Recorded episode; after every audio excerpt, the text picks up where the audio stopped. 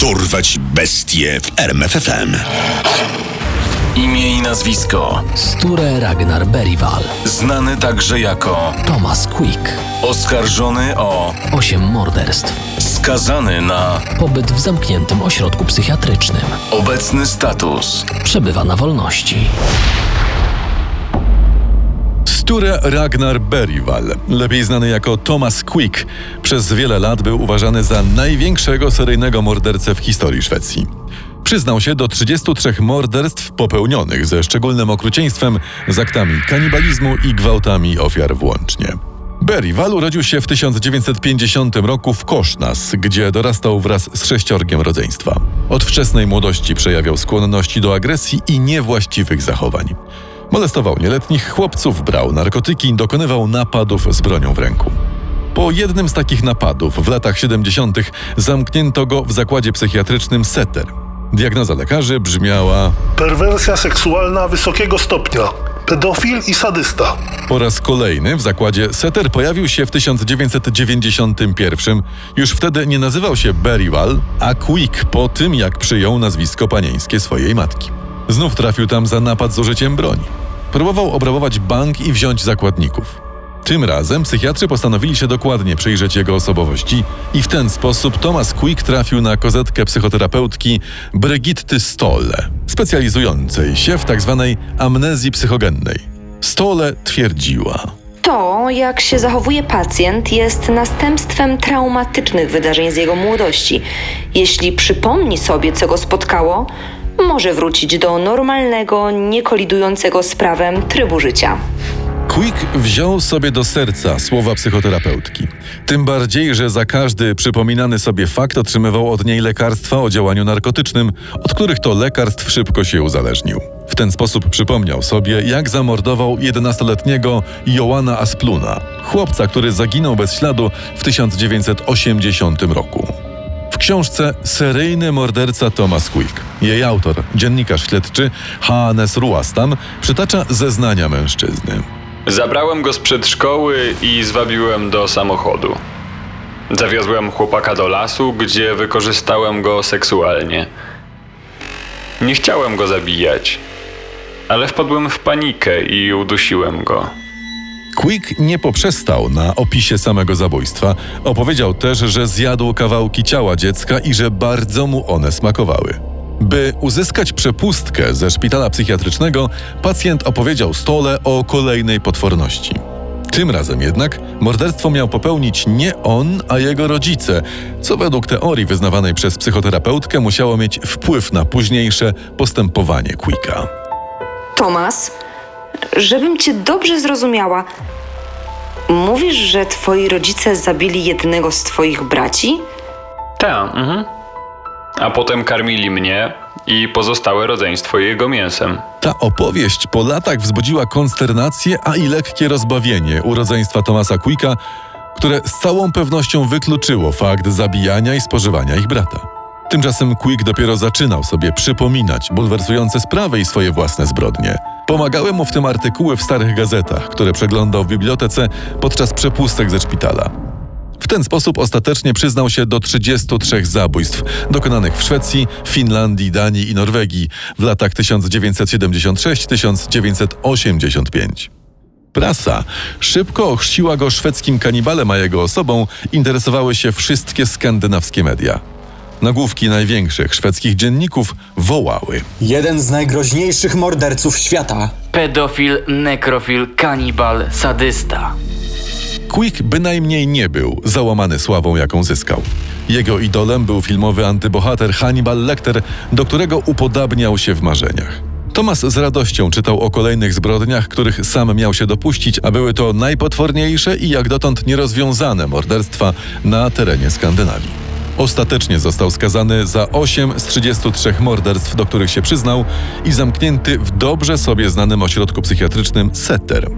Wszystkie wyroki zapadały bez okazania dowodów rzeczowych, w tym ciał ofiar i bez świadków, wyłącznie na podstawie szczegółowych i drastycznych zeznań podejrzanego. Nikt jednak z sędziów nie podał w wątpliwość winy Quicka.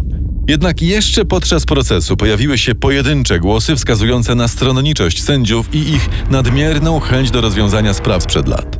Wątpliwości zgłaszał choćby znany pisarz i kryminolog Leif Peszon, a także paru innych bezstronnych komentatorów, których głosy zostały zagłuszone przez media i przez opinię publiczną. Dopiero w 2008 roku wspomniany już dziennikarz Hannes Ruastam nakręcił telewizyjny dokument, w którym Thomas Quick odwołał wszystkie zeznania i wyznał ze łzami w oczach, że jest niewinny. Wtedy wszystko zaczęło się sypać jak domek z kart. Jeszcze podczas procesu rodzice 11-letniego Joana Aspluna, rzekomo zamordowanego przez Quicka, wyrażali sceptycyzm co do winy oskarżonego. Ciała chłopca nie znaleziono, a Tomasa Quicka skazano jedynie w oparciu o jego barwną i pełną drastycznych szczegółów opowieść o zabiciu i zjedzeniu dziecka. W 2012 roku sąd oczyścił domniemanego mordercę ze zarzutów, twierdząc, że nie mógł on zabić Aspluna. Wcześniej, bo we wrześniu 2010, Quick został też uniewinniony w sprawie zamordowania Jenona Lewiego, turysty z Izraela.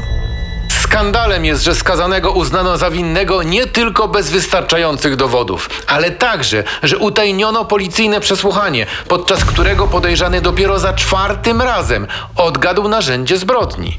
Szwedzkie sądy po raz kolejny zaczęły rozpatrywać sprawy, za które został skazany Thomas Quick. I stopniowo ujawniano fakty, które dowodziły, że seryjny morderca to przede wszystkim kłamca i konfabulant, który wywiódł w pole organy ścigania, media i opinię publiczną.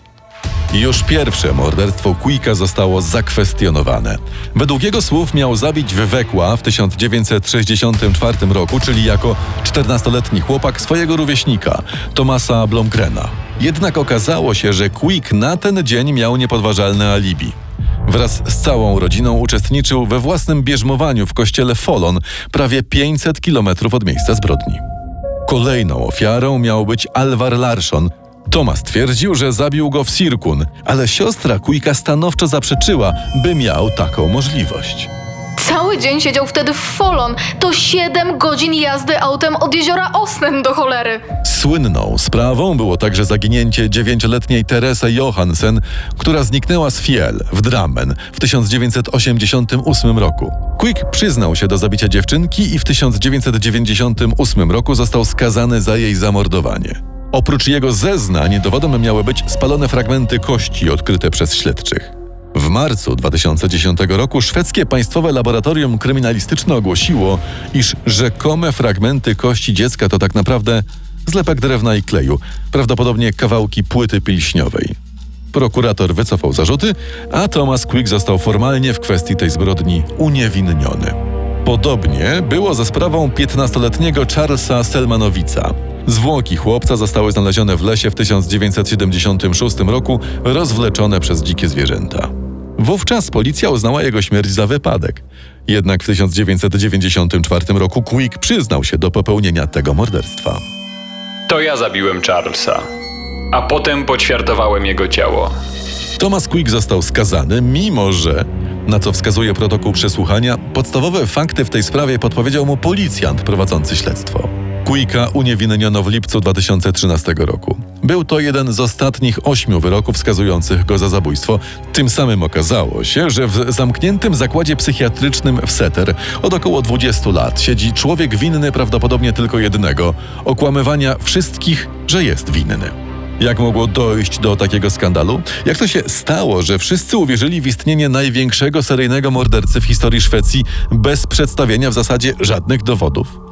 Na pewno przyczyniła się do tego histeria mediów, które kochają krwawe historie, a także dążenie szwedzkich śledczych do osiągnięcia spektakularnego sukcesu niemal za wszelką cenę. Według Hannesa Ruastama ogromny wpływ na rozwój tych tragifarsowych wypadków miał prokurator Christe van der Klies. W książce Seryjny morderca Thomas Quick czytamy o nim między innymi. Słynął z tego, że swoje poglądy potrafił prezentować z takim przekonaniem, że zarówno dziennikarze, jak i podlegli mu prokuratorzy traktowali je jak prawdy objawione. Entuzjazm pijący z płomiennych mów prokuratora Van der Klisa, który gorąco wierzył w winę Quicka, był zaraźliwy zarówno dla śledczych, prawników, jak i dla mediów czy opinii publicznej. Sprawa Tomasa Quicka stała się bodajże największym blamarzem szwedzkiego systemu sprawiedliwości. Pisarz Leif Peszon grzmiał. Państwo popełniło gwałt na rodzinach tych ofiar. Nie dano im szansy poznania prawdziwych morderców ich bliskich. Ci, jeśli by nawet teraz przyznali się do winy, i tak nie zostaną ukarani. Większość przestępstw uległa już przedawnieniu. Quick, który wrócił do nazwiska Sture Ragnar Berival, został zwolniony ze zakładu w Setter w 2013 roku. Mimo, że w chwili wyjścia na wolność był uważany za psychicznie chorego i oficjalnie wciąż podlegał leczeniu, z przecieków do pracy wynika, że przez kilka ostatnich lat w Setter nie podawano mu żadnych leków i że takich leków nie wymaga. Poznaj sekrety największych zbrodniarzy świata. Dorwać bestie w RMFFM. Tomas, żebym cię dobrze zrozumiała. Mówisz, że twoi rodzice zabili jednego z twoich braci?